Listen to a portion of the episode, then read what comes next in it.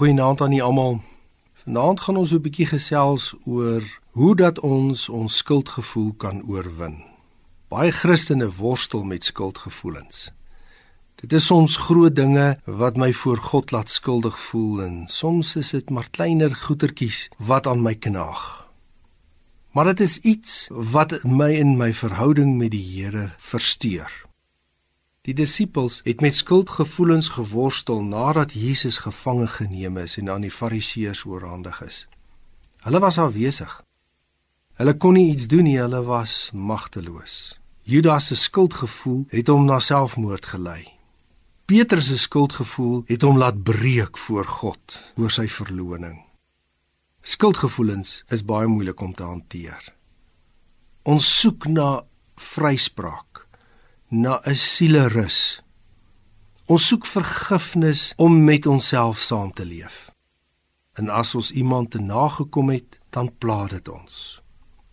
Kom ons lees wat sê Jesus oor skuldgevoelens en hoe ons dit kan oorwin. En ons lees dit in Johannes 3 vers 16 tot 18.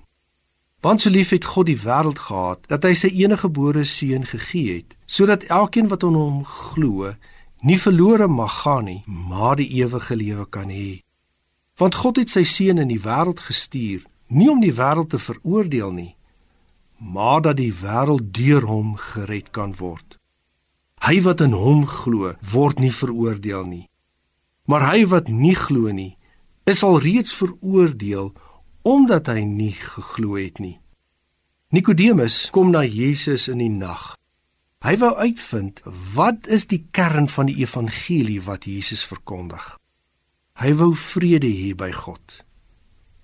Hy was 'n vrome man wat die reg van die wet en die geskrifte gehoorsaam het. Hy wou weet of daar 'n beter manier is om vrede met God te verkry. Eerder as hierdie afgewaterde offers wat in daardie tyd in die tempel gebring is.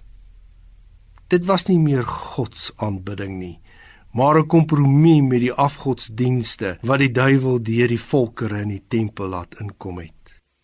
Jesus antwoord vir Nikodemus: Daar is net een manier om jou skuldgevoel aan te spreek. Glo in my as jou verlosser. Glo en jy sal gered word. Dit impliseer dat as ek gered word, God my skuldgevoel wil wegneem. Kom ons vra dit van hom. Here, Vergewe my my sonde. Was my skoon van alle skuldgevoel dat ek U in vrymoedigheid kan dien. Amen.